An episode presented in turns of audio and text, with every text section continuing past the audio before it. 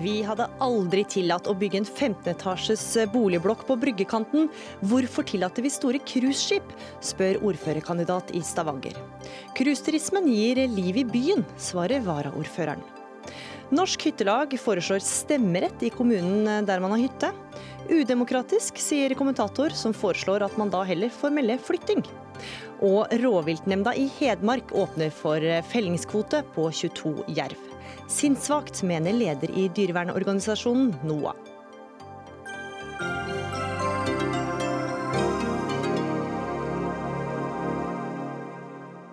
Du hører eller ser på Dagsnytt 18. Jeg heter Gry Veiby. Og musikk som kunstform er borte i NRK, mener komponist etter at radioprogrammet Spillerom ble lagt ned. Mer om det seinere. For vi starter utenriks, og enda mer spesifikt USA. Han er en god mann, og vi kommer til å savne ham, sa president Donald Trump da han tidligere i dag meldte at arbeidsminister Alexander Acosta går av. Etter at det ble avslørt at Acosta inngikk et forlik med den overgrepstiltalte milliardæren Jeffrey Epstein i 2008. Og Anders Magnus, USA-korrespondent. Hvordan kan noe som skjedde for elleve år siden ha innvirkning på Acostas eh, posisjon i dag? Det er fordi eh, det dukker stadig flere opplysninger eh, opp omkring eh, denne tiltalen mot den multimilliardæren Epstein fra New York, som jo var tiltalt i Florida for elleve år siden, hvor da Acosta var en del av påtalemakten. Og han inngikk et forlik som han senere har forsvart med at hvis han ikke hadde gjort det, så ville ikke Acosta kommet i fengsel i det hele tatt. Dette er nå bestridt av andre medlemmer av statsadvokatembetet som var der på den tiden, og sier at det var absolutt ikke tilfellet. Og det blir påpekt mange feil som ble gjort, bl.a. at eh, de over 40 ofrene eh, som FBI, altså det føderale politiet, hadde funnet fram til den gangen, de ble ikke fortalt at eh, Epstein ikke skulle bli eh, dømt til så lang fengselsstraff. Han fikk 18 måneder, slapp ut etter 13. Fikk lov til å oppholde seg i fengselets luksusavdeling, så å si. Hver dag så fikk han lov å gå på kontoret, og var der opptil tolv timer om dagen. Måtte bare inn og sove i fengselet om natten. Og han fikk også permisjoner, slik at han kunne fly med sitt private jetfly til eiendommene sine i New York og også Virgin Islands. Så han hadde det jo ikke så aller verst i disse 13 månedene, kan man si. Og, men det viktigste her er nok at eh, Acostas versjon av det som skjedde, nå blir kraftig bestridt av eh, andre anklagere som var ved kontoret den gang, og sier at han fikk en spesiell behandling, og at han fikk denne behandlingen fordi, altså Epstein, fordi han var kjent, fordi han hadde forbindelser til mange, og fordi at han var rik.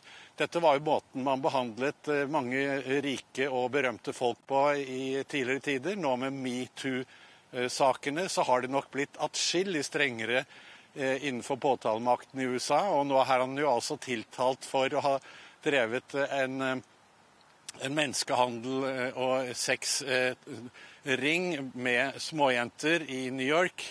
Eh, og kommer nok til å sitte resten av livet i fengsel dersom han blir dømt etter denne tiltalen. Og Det er jo også flere som eh, blir trukket inn her. Både tidligere president Bill Clinton og president Donald Trump er trukket inn i saken pga. sitt eh, kjennskap til Epstein. Og Hva er deres forbindelse med ham? Nei, Som mange andre, det er jo ikke bare disse to, men som mange andre så har de fått lov til å fly Eh, i hvert fall Bill Clinton, fly på privatflyet til eh, denne milliardæren. Og Trump har jo også tidligere sagt at han er en fantastisk fyr. Men da skal vi huske på at dette ligger langt tilbake i tid. Og at eh, de nok ikke visste hva Epstein drev på med av ulovligheter. Det kan vi i hvert fall ikke ta for gitt. Så, så akkurat det er selvfølgelig ubehagelig for både Clinton og for Trump. Men de har jo eh, så å si ikke gjort noe feil eller gjort noe ulovlig ved å ha kontakt med denne mannen. Men eh, selve Epstein-saken har du nevnt så vidt, men eh, hva er det som gjør den så spesiell? For det er ganske mange detaljer som kommer fram. Ja, det, det, som gjør den spesiell, er jo for det første at han ikke ble dømt for alle disse 40 overgrepene. Eh, det kunne han kanskje ha blitt hvis FBI hadde fått lov til å fortsette å etterforske saken den gangen. Eh, det andre som er spesielt, er jo at han har fortsatt på samme måte, selv om han er en registrert eh, sexforbryter i New York. Og det er også nye 40 ofre som er registrert nå i denne saken i New York. Og eh, mange reagerer jo på at en slik mann har fått lov til å gå løs og fortsette å utsette unge kvinner for disse overgrepene i så mange år, til tross for at myndighetene visste at han hadde begått overgrep allerede den gang, og at han også er en registrert uh, sexforbryter. Mm. Takk for den eh, rapporten, eh, Anders Magnus fra USA.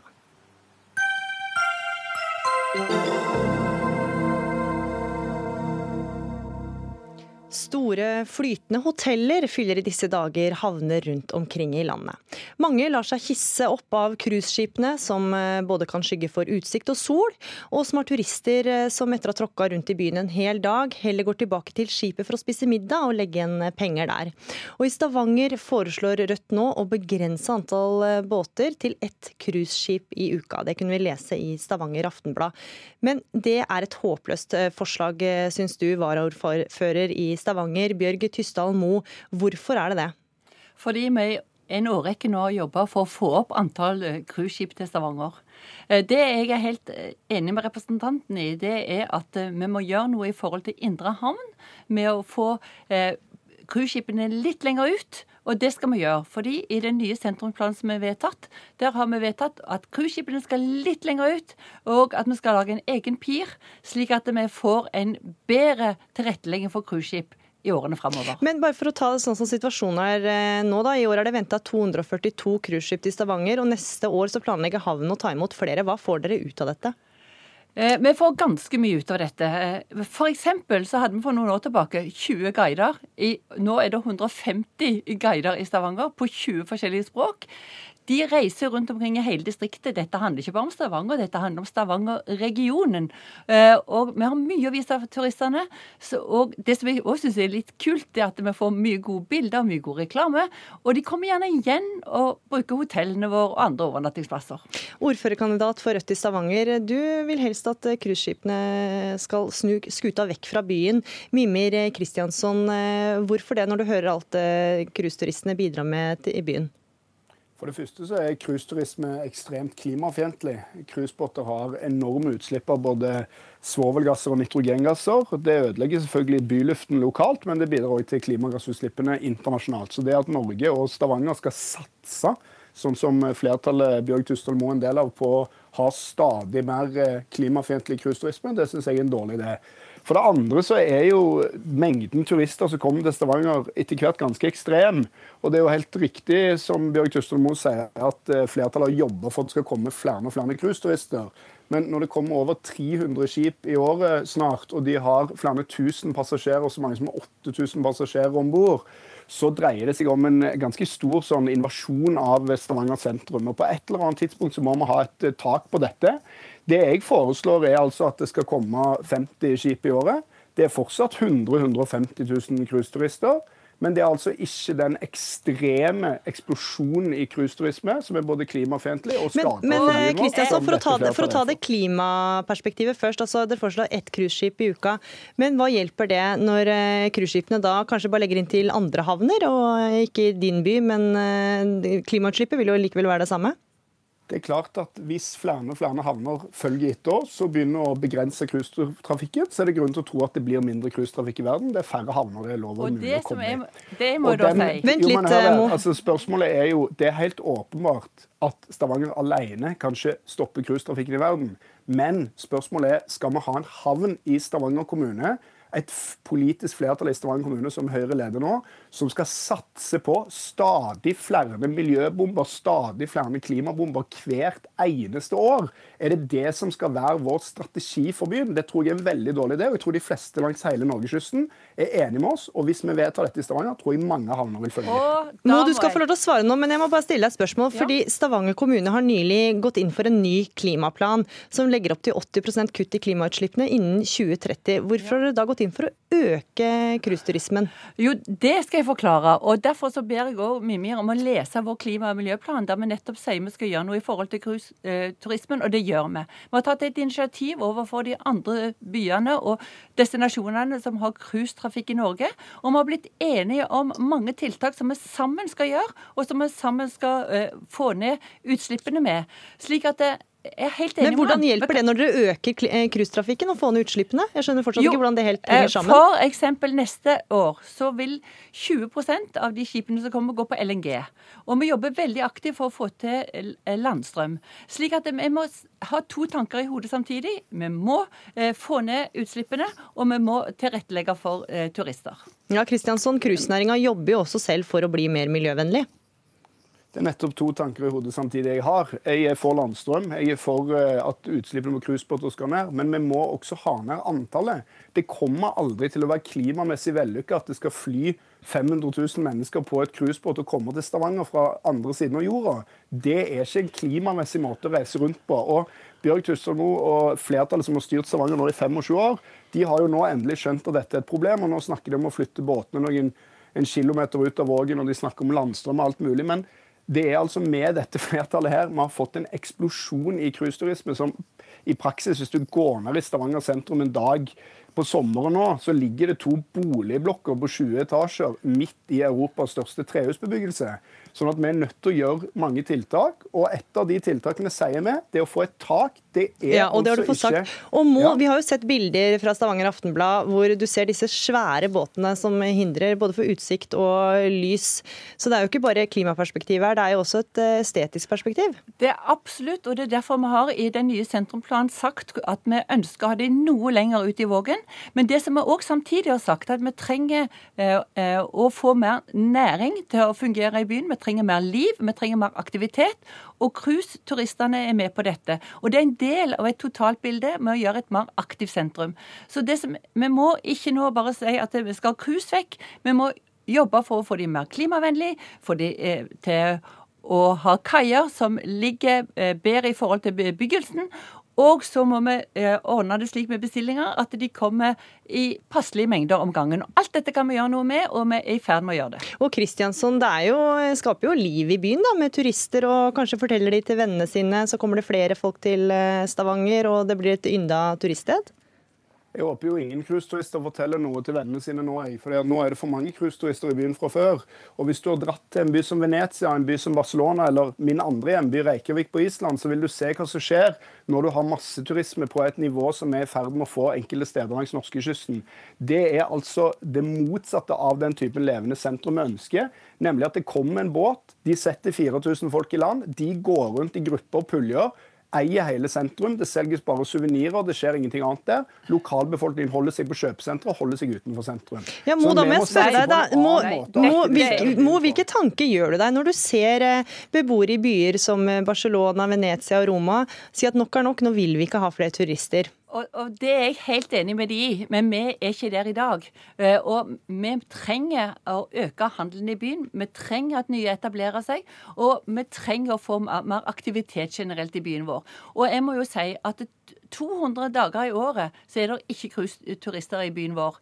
Eh, og da er det lite folk i byen. Vi trenger mer aktivitet. Og da må vi være med å skape denne, og det er det nettopp vi ønsker med sentrumsplanen vår.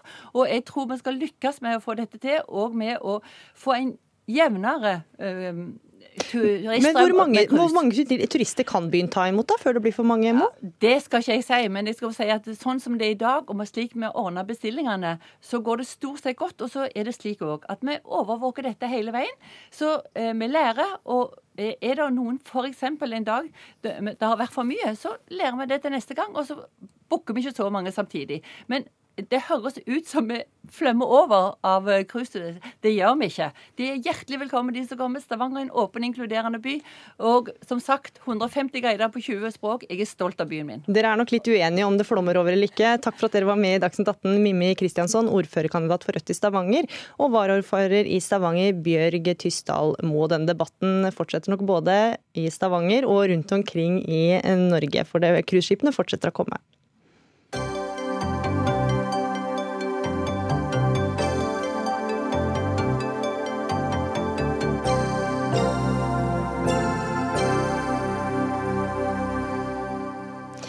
Dagligvarekjeder eh, lurer deg, mener Nasjonen-journalist, som oppfordrer oss alle til å plukke de beste jordbærene i butikken og legge dem i egen kurv.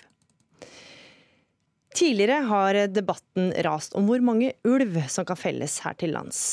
Nå står striden om et eh, annet rovdyr, nemlig jerven. For nylig vedtok rovviltnemnda i Hedmark en kvote som åpner for å skyte 22 jerv, hvorav fire kan felles i ulvesonen.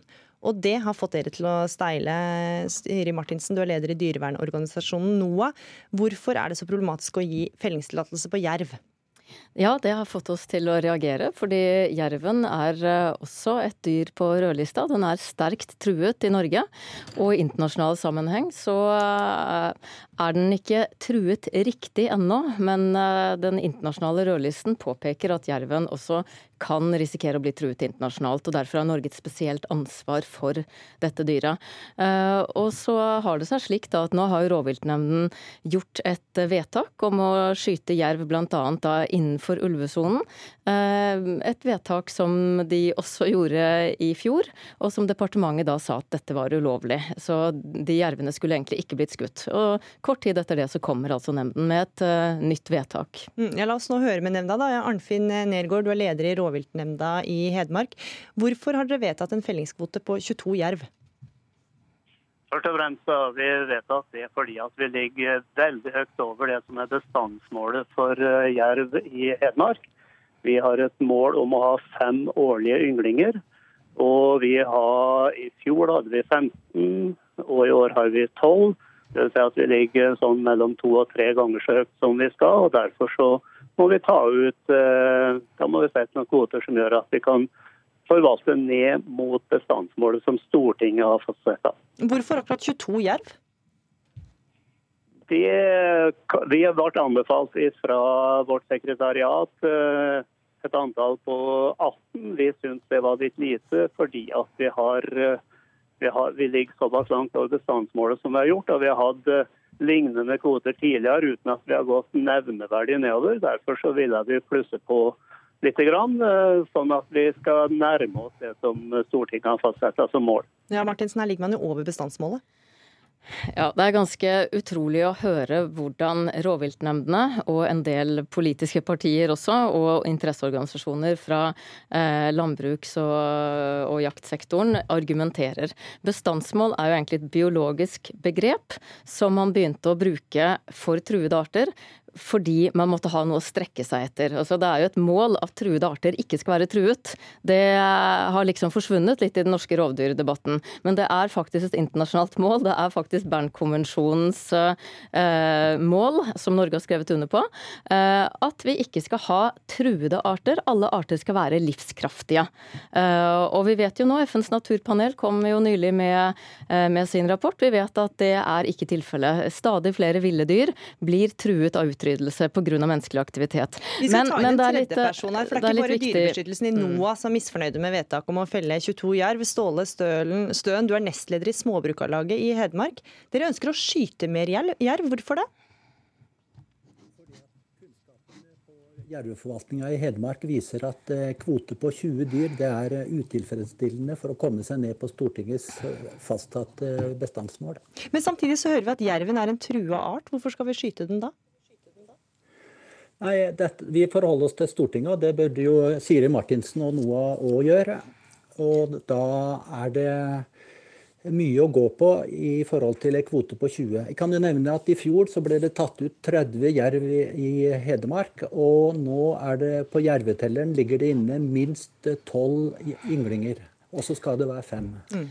Men jeg fikk ikke fullført resonnementet i stad. fordi hele poenget her er at man har tatt et fullt forståelig biologisk begrep, altså et bestandsmål, som da betyr et minimumsmål. ikke sant? Man har et minimumsmål å strekke seg etter, slik at de truede artene skal kunne komme over kneika og bli livskraftige. Men her i Norge så har man omdefinert det biologiske begrepet og begynt å bruke det som et maksimumsmål, slik at truede arter skal forbli truet. Den kritisk truede ulven skal forbli kritisk truet, den sterkt truede jerven skal forbli sterkt truet. Og det virker å være et politisk mål i seg selv, og brukes nå som selvstendig argument at man skal komme såkalt ned på bestandsmålet. Så det er et fullstendig meningsløst. Truede dyr skal ikke ned, de skal opp. Det er derfor man har underskrevet Barnekonvensjonen, Det er derfor man har en naturmangfoldlov. Og det er ingenting i det lovverket vi har som forsvarer å ta livet av eh, sterkt truede jerver bare for å ta livet av dem. Mm. For det er jo på en måte ikke noen andre argumenter som kommer frem her. I ulvesonen f.eks. så er det jo ikke noe fare for skade på beitedyr, f.eks. For eksempel. Fordi at der skal det være rovdyrprioritert område, og det er ikke eh, beitedyr i den grad. Vi skal høre da med Støen. Støtter dere også rovviltnemndas forslag om å felle jerv i ulvesonen? Ja, det gjør vi.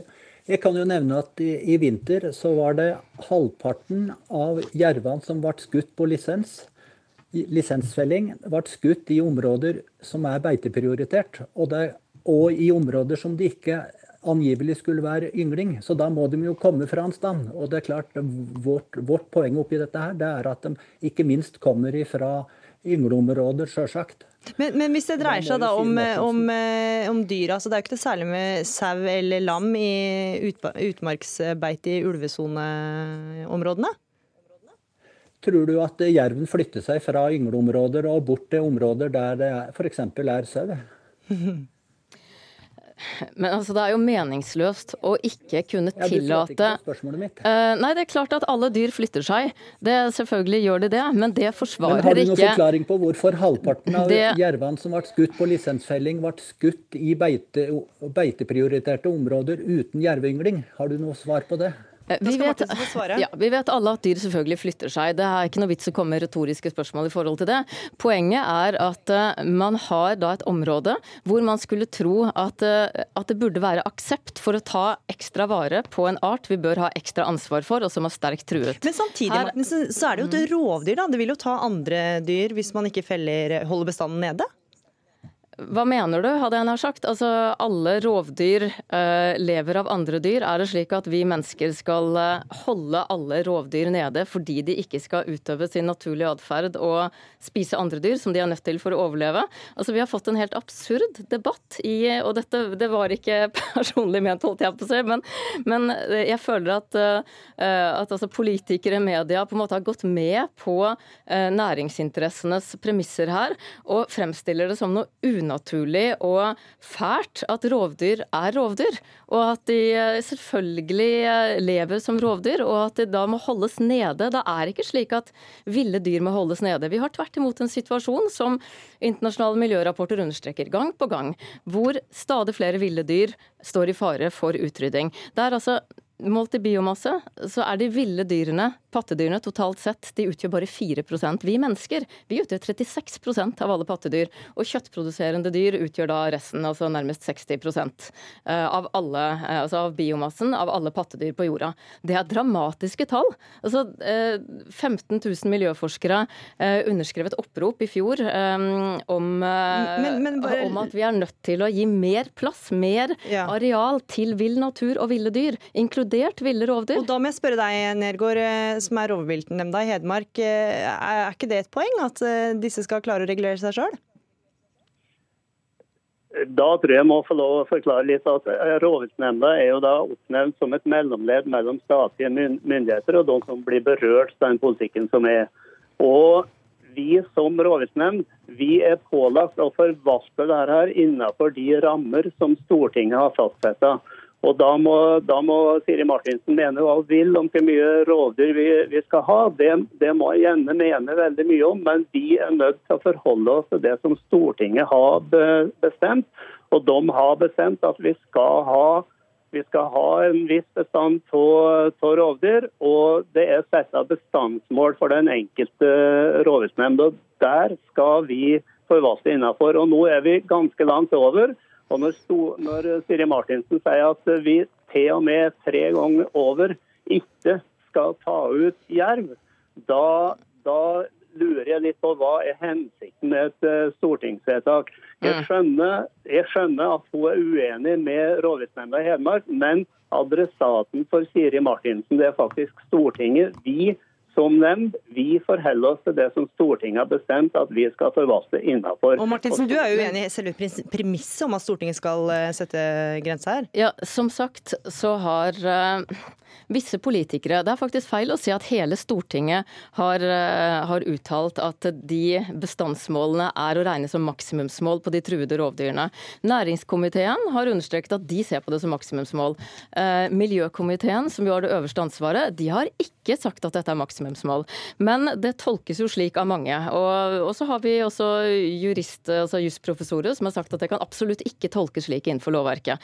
Og når eh, nemnda her fraskriver seg ansvar og sier at eh, Stortinget har ansvar, ja det er klart Stortinget har ansvar, men nemnda består jo også av politikere som velger å kun følge det ene de, eh, altså de, vedtakene fra Stortinget, eller de uttalelsene fra noen stortingspolitikere da, som går på eh, bestandsmålet, mens de velger også å se bort ifra stortingsvedtaket om at vi skal følge Bernkonvensjonen, naturmangfoldloven og eh, resten av jussen her. Så de velger selv hvilken del av Stortingets vedtak de, de følger. De følger ikke alle. Nei, og Da skal vi la jerv være jerv og fellingstillatelse være fellingstillatelse. Takk for at dere var med i Dagsnytt 18. Arnfinn Nergård, leder i rovviltnemnda i Hedmark.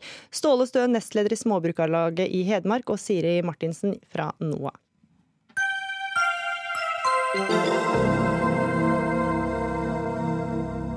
Ja, det er fellesferie, og mange er nok akkurat nå på hytta. Og kanskje er du en av dem som tilbringer hele sommeren og mye tid akkurat på hytta. Nå bør hytteeiere få stemme i kommunen de har hytte i. Det foreslår Norsk Hyttelag, som dermed åpner for eh, å tilby stemmerett for årets eh, landets hytteeiere ved kommunevalg. Det kan vi lese i Aftenposten. Og Audun Bringsvor, du er generalsekretær i Norsk Hyttelag. Hyttelag. Hvorfor foreslår dere dette? Ja, Vi mener at hytteeierne i Norge i dag opplever et demokratisk underskudd. Vi er prisgitt 400 lokale kommunestyrer som gjør som de vil. Det går stort sett veldig bra, men av og til så går det skikkelig dårlig. Og Da trenger vi en sikkerhetsventil, og stemmeretten er den beste måten å løse det på. Mm. Hans... Og så er jo det også slik at Den som blir påvirka av en beslutning, må ha muligheten til å bestemme hvordan den fattes, eller påvirke hvordan den blir fatta. Det er en grunnleggende rettighet, og den er blitt viktigere og viktigere nå de siste åra, i og med at det er måten folk bor og lever på, har forandra seg i ganske stor grad. Hans eh, Borsgaard, du er kommentator i Nasjonen, og du kaller tanken om at hytteeiere skal få stemmerett for antikvarisk. Hvorfor er det det? Altså, det er langt over 100 år siden vi i Norge slutta å eh, gi folk demokratiske rettigheter pga. Eh, fast eiendom. Eh, og Det er et sånt prinsipp eh, hyttelaget vil tilbake til, og det fremstår som en dårlig idé. Mm. Ja, for Bringsvord, Dere har utreda tre ulike modeller. Eh, det er valgfri stemmerett, dobbeltstemmerett og delt stemmerett. Hva er det disse går ut på? Ja, Dobbelt stemmerett er jo den mest intuitive. Eh, tenk deg f.eks. at du var medlem i både en fotballklubb og en håndballklubb. Da ville du gjerne være med å bestemme i begge to. Eh, og Sånn er det i vårt forslag også. Bryr du deg om to kommuner, eller lever livet ditt i to kommuner, så vil du gjerne ha noe å si begge de stedene. Uh, ulempen med modellen og grunnen til at den har blitt avvist flere ganger tidligere, er jo det at den bryter med et veldig viktig prinsipp, nemlig prinsippet om én mann eller én kvinne og én stemme. Så Derfor har vi også sett på det som uh, vi kaller valgfri stemmerett, der du selv kan avgjøre om du vil stemme der du bor og arbeider, eller der du er hytte og kanskje lever de beste dagene av livet ditt. Og Vi har valgt å anbefale den modellen fordi den er demokratisk og rettferdig Eh, den bevarer prinsippet om én mann, én stemme, og den er relativt enkel å gjennomføre. Mm. Så har vi sett på en tredje modell med delt eller gradert stemmerett der du f.eks. får en halv stemme hjemme og en halv stemme i hyttekommunen. Det er jo en god eh, modell i teorien, men den er vanskelig i praksis. Men la oss ta det første, ta det, det, andre forslaget, valgfri stemmerett, eh, Bårdsgaard. Så kan man jo velge selv hvor man vil stemme. Hvorfor er det problematisk?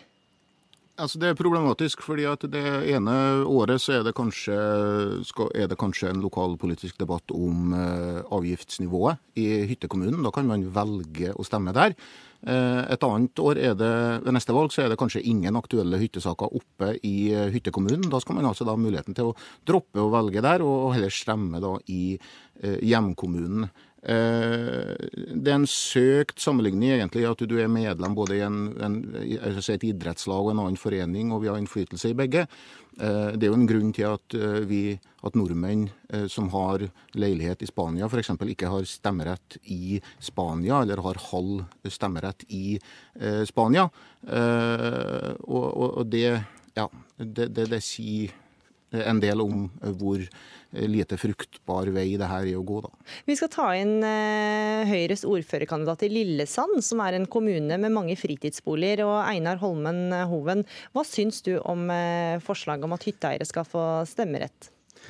Jo, eh, først så syns jeg det var et veldig spenstig forslag. Men jo mer jeg tenkte over det, så, så ser jeg jo fort at dette her ikke Dette er noe som ikke går. For å sette det litt i perspektiv, da, så har eh, innbyggerne i Lillesand Vi eh, betaler jo 12% av inntekten vår inn til kommunen. Og Det er for at eh, vi skal drifte Vi skal ha full barnehagedekning. Vi skal ha nye, moderne skoler, vi skal ha helse og omsorg, vi skal ha fritidsaktiviteter. Så budsjettet til Lillesand kommune er på, på 910 millioner kroner. Og ved, ved, kommunevalget så var det 5300 personer som stemte.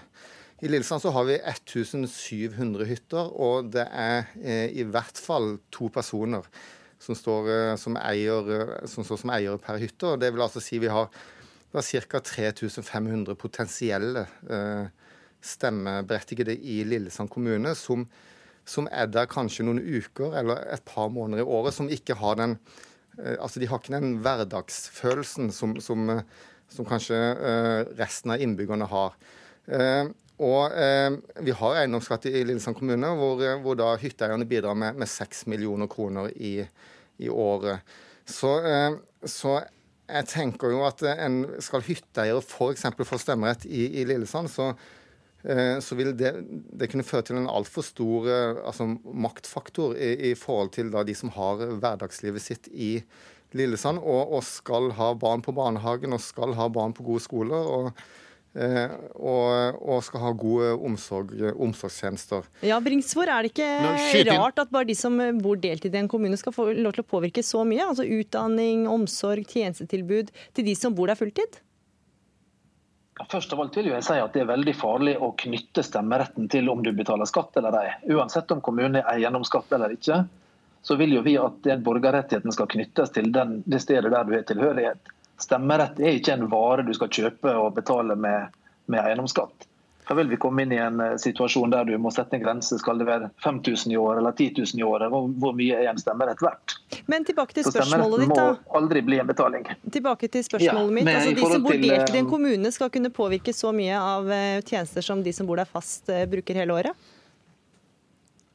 Ja, De vil jo kunne påvirke til en viss grad, på samme måte som at eh, de fastboende i dag kan påvirke veldig mye av uh, vårt liv. Det er også sånn at det er folk som ikke har barn i barnehage, bestemmer om barnehagebudsjettet i kommunen. Og folk som ikke har pårørende på uh, eldreomsorg, kan bestemme over det. Sånn er demokratiet, og sånn fungerer det. Men, men, men, det vil jo ikke være slik at hyttefolket ved å få stemmerett plutselig kan fjerne alt av eiendomsskatt og rasere tjenestetilbudet i en kommune. Ja, ja, ikke vil jeg ønske det. Der må jeg skyte inn det. Ja, jeg, jeg, jeg, må bare komme med et eksempel. Hvis du, hvis du, har en familie som kommer fra en relativt velstående kommune, og de har, de har hytte i, i en dårlig stilt kommune, og de har alt av fritidsaktiviteter og, gode, og full barnehagedekning og kjempegode, moderne skoler for sine barn. Eh, og så kommer man da, så skal den eh, kommunen som, har, eh, som de har hytte i, de skal hvor, hvor, det er kanskje skole, hvor man skal bygge en ny, moderne skole, som er kanskje den store valgkampsaken. Eh, så skal altså de som allerede har eh, ordna forhold eh, for, for, seg og sine barn, så skal de altså da bli med å, å avgjøre om, om, innbyggerne i den kommunen de har hytte i, skal ha en, en, ny skole eller ikke. Det, det, altså det blir litt galt for meg. Mm. Jeg må si at uh, det er fullt, fullt mulig at ja. ja, det er veldig mange på linjer her nå. Bårdsgaard, du skal få kaste deg på. Uh, I kommuner som Tydal her i Trøndelag, som har 781 fastboende, selvsagt da langt færre stemmeberettigede, så er det 1536 fritidsboliger Eh, og da, da, vil det selvsagt være lett å, å, å, å kuppe og, fjerne eiendomsskatt på hytter. Eh, det, det blir være en pervertert form for lokaldemokrati, eh, slik vi kjenner det. Så er det en interessant side av den debatten her at samfunnsutviklinga Vi får bedre råd til å kjøpe større hytter, vi får kortere vei til, til hytta. Infrastrukturen i og rundt hytta blir bedre. Vi får bredbånd, strøm, elektrisitet, vann og avløp osv. osv.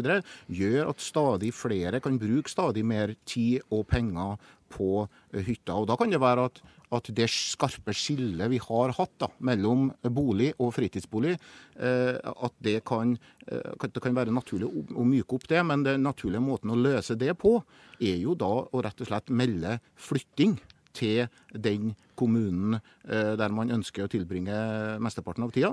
Meld gjerne flytting til hyttekommunen. Det vil selvsagt da bety at man mister demokratiske rettigheter i den kommunen man eh, flytter fra. Men, en, ja, enten melder flytting, Bringsvår, eller så kan man jo være med på å bestemme i hyttekommunen sin uten nødvendigvis ha stemmerett? Ja, du kan jo, altså jeg vil jo bare si til Hans, altså Hvor mange hytter er det i Tydal som det er mulig å melde flytting til? Det er sannsynligvis ganske få. Og så er det vanskelig for barnefamilier med barnehageplass og den type ting å flytte. Men, men, men, det, Bringsvår, men det at man kan være med og påvirke uten nødvendigvis å ha stemmerett, eh, er jo noe dere kan ta med dere videre? Ja, Det er jo absolutt det. Og det er jo et velutvikla system i Norge med hytteforeninger og hyttelag og hyttevell og forskjellige ting rundt om. Og i veldig veldig mange kommuner så er det et godt samarbeid med hyttekommunen sin. Jeg var For et par uker siden var jeg i Trysil og deltok på et møte der som eh, kommunen to ganger i hvert år så inviterer de lederne for alle hyttelag i kommunen, og det er ganske mange, til et, et dialogmøte. Og Det er et ordentlig dialogmøte der det faktisk går an å komme med innspill til eh, politikerne. Ordføreren stiller gjerne med hele administrativ ledelse der. Og du får informasjon, og det går veldig bra begge veier. Mm. Og så er det også en kommune som skjønner betydning av hyttefolket og prøver å legge til rette. Det er nettopp uh, I forhold til eiendomsskatter, som det veldig ofte blir diskusjon om, så det er redusert skattesatsen etter en omtaksering. Og Det er, det er akkurat nå eh, arbeid med forslag til ny eh, valglov, og dette forslaget har de ikke tatt stilling til, men kanskje det vil komme opp på agendaen igjen en annen gang. Eh, takk for at dere var med i Dagsnytt 18, Audun Bringsvår, generalsekretær i Norsk Hyttelag, Einar Holmer Hoven i Høyre i Lillesand kommune, og Hans Bårdsgaard, kommentator i Nasjonen.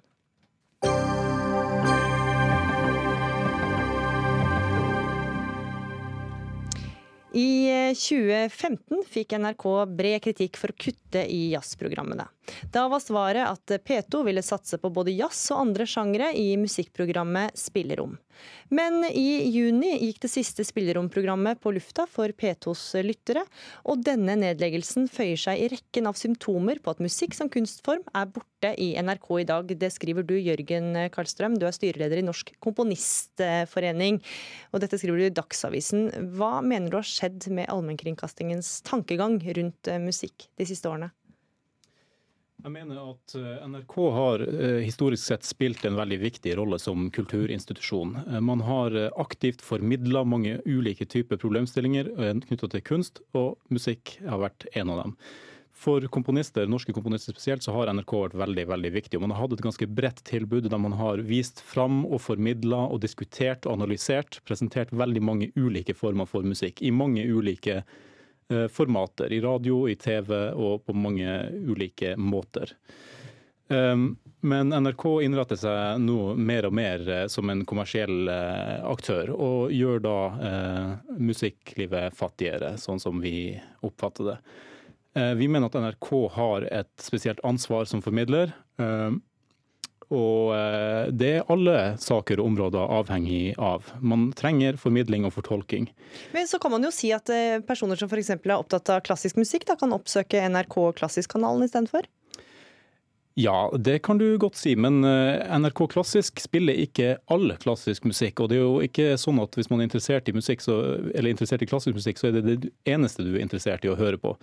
Når programmene som diskuterer og presenterer musikken legges ned, så mener vi at lytteren sitter igjen med en fattigere forståelse av musikk. Og eh, det må også kobles opp mot eh, andre former for musikk, andre former for kunst eh, og samfunnsliv for øvrig.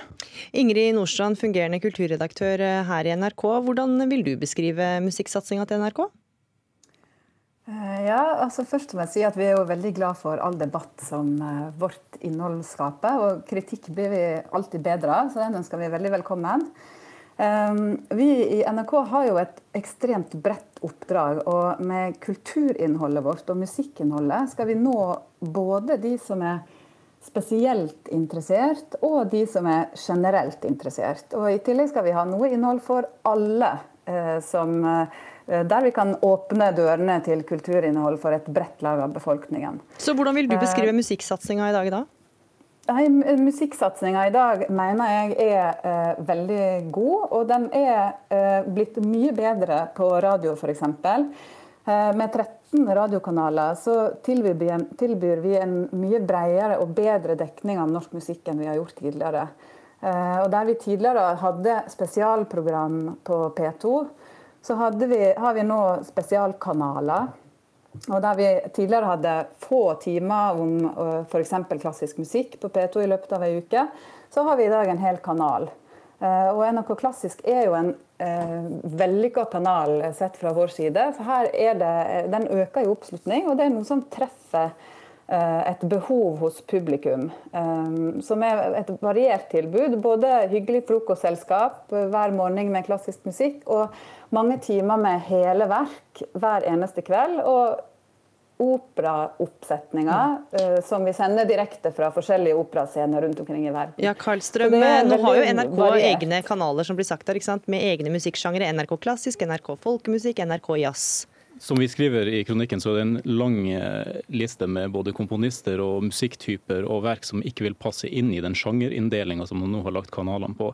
Eh, for å vite hva som er viktig og verdt å formidle, så trengs det også fagkunnskap. Og vi mener at denne fagkunnskapen om musikk den er synkende, dessverre, i NRK. Fagfolk skvises ut, og det ansettes folk med ansvar for musikkprofilene som ikke har nødvendig musikkompetanse. Et eksempel kan være den utlyste stillinga som musikksjef i NRK P3, hvor kvalifikasjonskravet er at man skal elske musikk. Det er vanskelig å tenke seg at uh, kvalifikasjonskravene til en stilling som IT-sjef skulle være at man er glad i data og sånn. Men vi mener at uh, det her er symptomatisk for måten man tenker på musikk på. Det er noe man skal være litt godt humør av, og det skal fungere som litt fyllstoff innimellom uh, snakkinga. Og vi tror at musikken kan være noe langt mer enn det. Og det bør den også Nordstrand, være i NRK. Hvilken bakgrunn har de som velger ut eh, musikken som skal spilles i NRK? Er det eneste at de skal elske å høre på musikk? Nei, det er det. Det er utrolig mange kompetente folk som jobber i, eh, i NRK, i, og særlig i kulturavdelingen, selvfølgelig. Ehm, men det som er viktig å tenke på når det gjelder akkurat den utlysningen som eh, Karlstrøm peker på her, er jo at det å være kanalsjef eh, for en radiokanal, som, som den utlysningen er, eh, det er Ja, du må kunne mye om klassisk musikk, men den, den kompetansen fins òg veldig stor grad i kanalen. Så det du må kunne i tillegg, er jo kanaldrift. Det å styre en radiokanal. Det er et helt eget fag. Og det er minst, en minst like viktig kompetanse for at eh, en kanal skal lykkes i, i den eh, kompliserte medievirkeligheten som vi lever i i dag. Mm. Nå er jo den stillinga jeg viser til da musikksjef i NRK P3, og ikke kanalsjef, så her skulle man tro at musikkompetanse oh, ja. var ytterst uh, viktig. Men jeg tenker at den sier likevel noe om NRK som helhet, ikke bare P3. Fordi det er nemlig de, de mer eh, kanalspesifikke styringsverktøyene og ledelsesverktøyene som det snakkes om her. og Det det, er det man i første rekke tenker på. Så puttes liksom musikken inn som, eh, som en eh, som fyllstoff innimellom det som kanalen egentlig dreier seg om. Og Det er ganske pussig når kanalene heter sånne ting som NRK Klassisk, NRK Jazz og NRK Folkemusikk. Da kan man nemlig få inntrykk av at det handler om musikk, men det snakkes utrolig lite om musikken. Og den har egentlig liten fokus, annet enn at den ikke skal ta altfor mye oppmerksomhet. Det syns vi er veldig synd. Nordstrand, vi hørte innledningsvis at Spillerom, som i 2015 ble trukket fram som NRK-satsing, ble nedlagt nå i juni. Hvordan kan ledelsen gå fra å kalle et program for satsing til å beslutte nedleggelse på bare fire år? Altså, det har skjedd ekstremt mye i eh, mediebruken til folk på fire år. Eh, og det er viktig å huske på at eh, det at vi slutter å lage et program, betyr ikke at vi slutter å dekke et felt. Det betyr bare at vi slutter å dekke det feltet på den måten som vi har pleid å dekke feltet. Og Det er en helt naturlig utvikling om man skal henge med i timen på mediebruken til publikum. Eh, så på P2 så kommer vi til å ha masse innhold om musikk i våre andre program, f.eks. Studio 2 og i Kulturstripa. Eh, og anmeldelser var òg nevnt i, i, kronikken til Karlstrøm. Eh, det jobber vi med et stort prosjekt som omhandler alle kulturanmeldelser i NRK. Der vi virkelig vil satse på det og få det ut til publikum på en enda bedre måte. Um, og 'Spiller om søndag' er jo òg en, en tittel som kommer til å fortsette. Men ikke med daglige program, da, sånn som 'Spiller om' hadde, men ukentlig program hver søndag.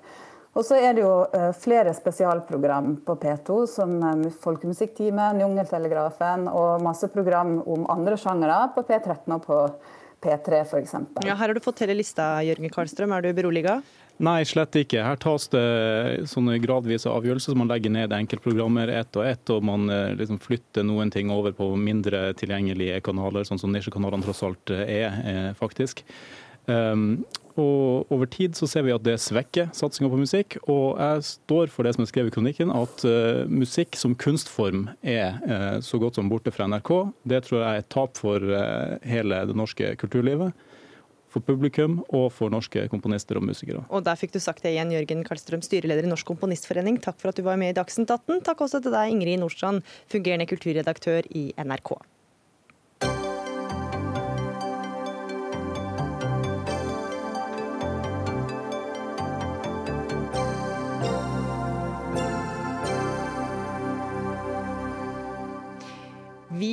Skal til spørsmålet alle i Storbritannia stiller. Hunt eller Johnson?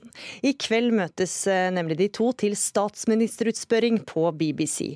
Og Øyvind Nyborg, korrespondent, dette er andre gang Boris Johnson og Jeremy Hunt møtes til utspørring. Hvem ligger best an etter eh, siste møte?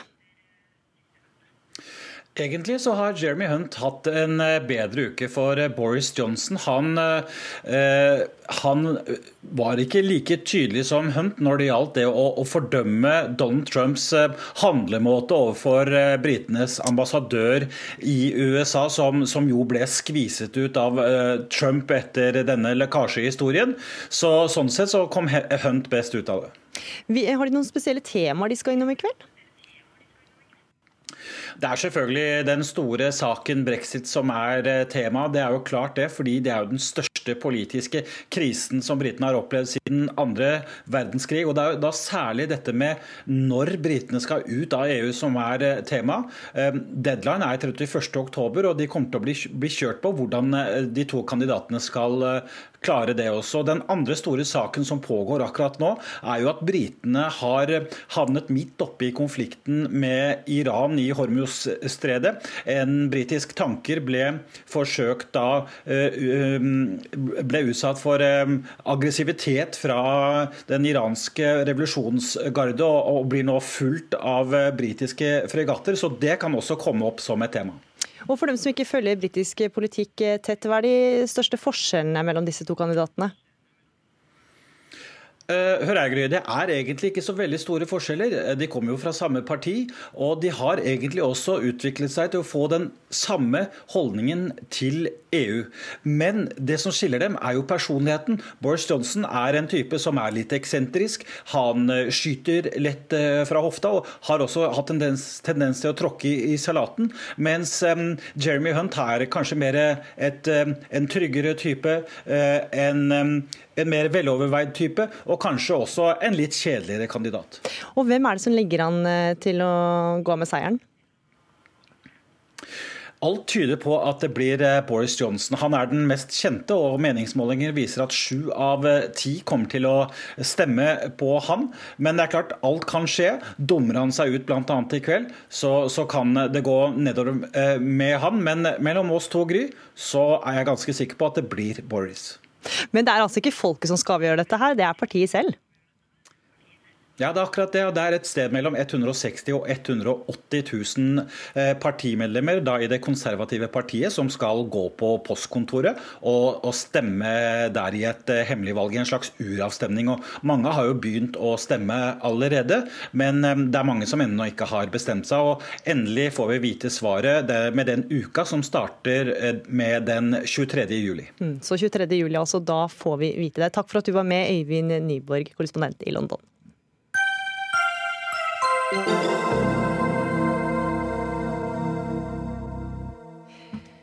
Mange prøvesmaker litt, for deretter å plukke de fineste jordbærene i butikken, for så å fylle opp egne kurver.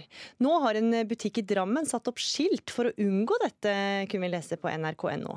Men det å skulle plukke og prøvesmake jordbær i butikken må være helt greit. Det skriver du Hilde Lysengen Havro, du er debattleder i Nasjonen. Hvorfor er det greit? Nei, altså jeg syns uh, at uh, i dag så er liksom veldig mye Hvis du går en vanlig grønt og fruktdisk, så er veldig mye pakka inn i plast. Vi veit ikke hvordan det smaker. Vi kan kanskje klemme litt på det. men, men liksom, det, er, det, er, et lag da, mellom oss og, det vi faktisk skal spise, og spesielt for jordbæra så er det litt sånn at den nederste kurven, så vet du jo virkelig Du vet jo ikke hva som skjuler seg der, da, for, for, å si det sånn. Om det er liksom store, røde, fine søte eller om det er litt med, noen, med et lite grønt lag på. Eh, og det tenker jeg at det må folk få lov til å å sjekke. Da. Men hvor dypt skal man gå ned i kurven da, før man velger seg ut de perfekte jordbærene? så man tar med Nei, seg videre? Jeg tenker at det er helt greit å gå helt til bunns, da. Eh, for å, for å, få med seg om, om det er liksom en halv kilo med bra bær eller ikke. Men så er det jo sånn at forbrukerne kan jo være litt kresne, og så plukker de bare ut de fineste jordbærene, og så ligger det igjen noen som ikke ser så bra ut, men som kanskje smaker greit. Ja, og hvis det smaker greit, så er det på en måte noe. Men jeg tenker at jordbær ser, hvis jordbær ser dårlig ut, så smaker det også dårlig ut. Eh, det kan være andre grønnsaker eh, eller frukt som kan se dårlig ut, men som smaker bra. Men jeg tenker jordbær er liksom kanskje et unntak der, da.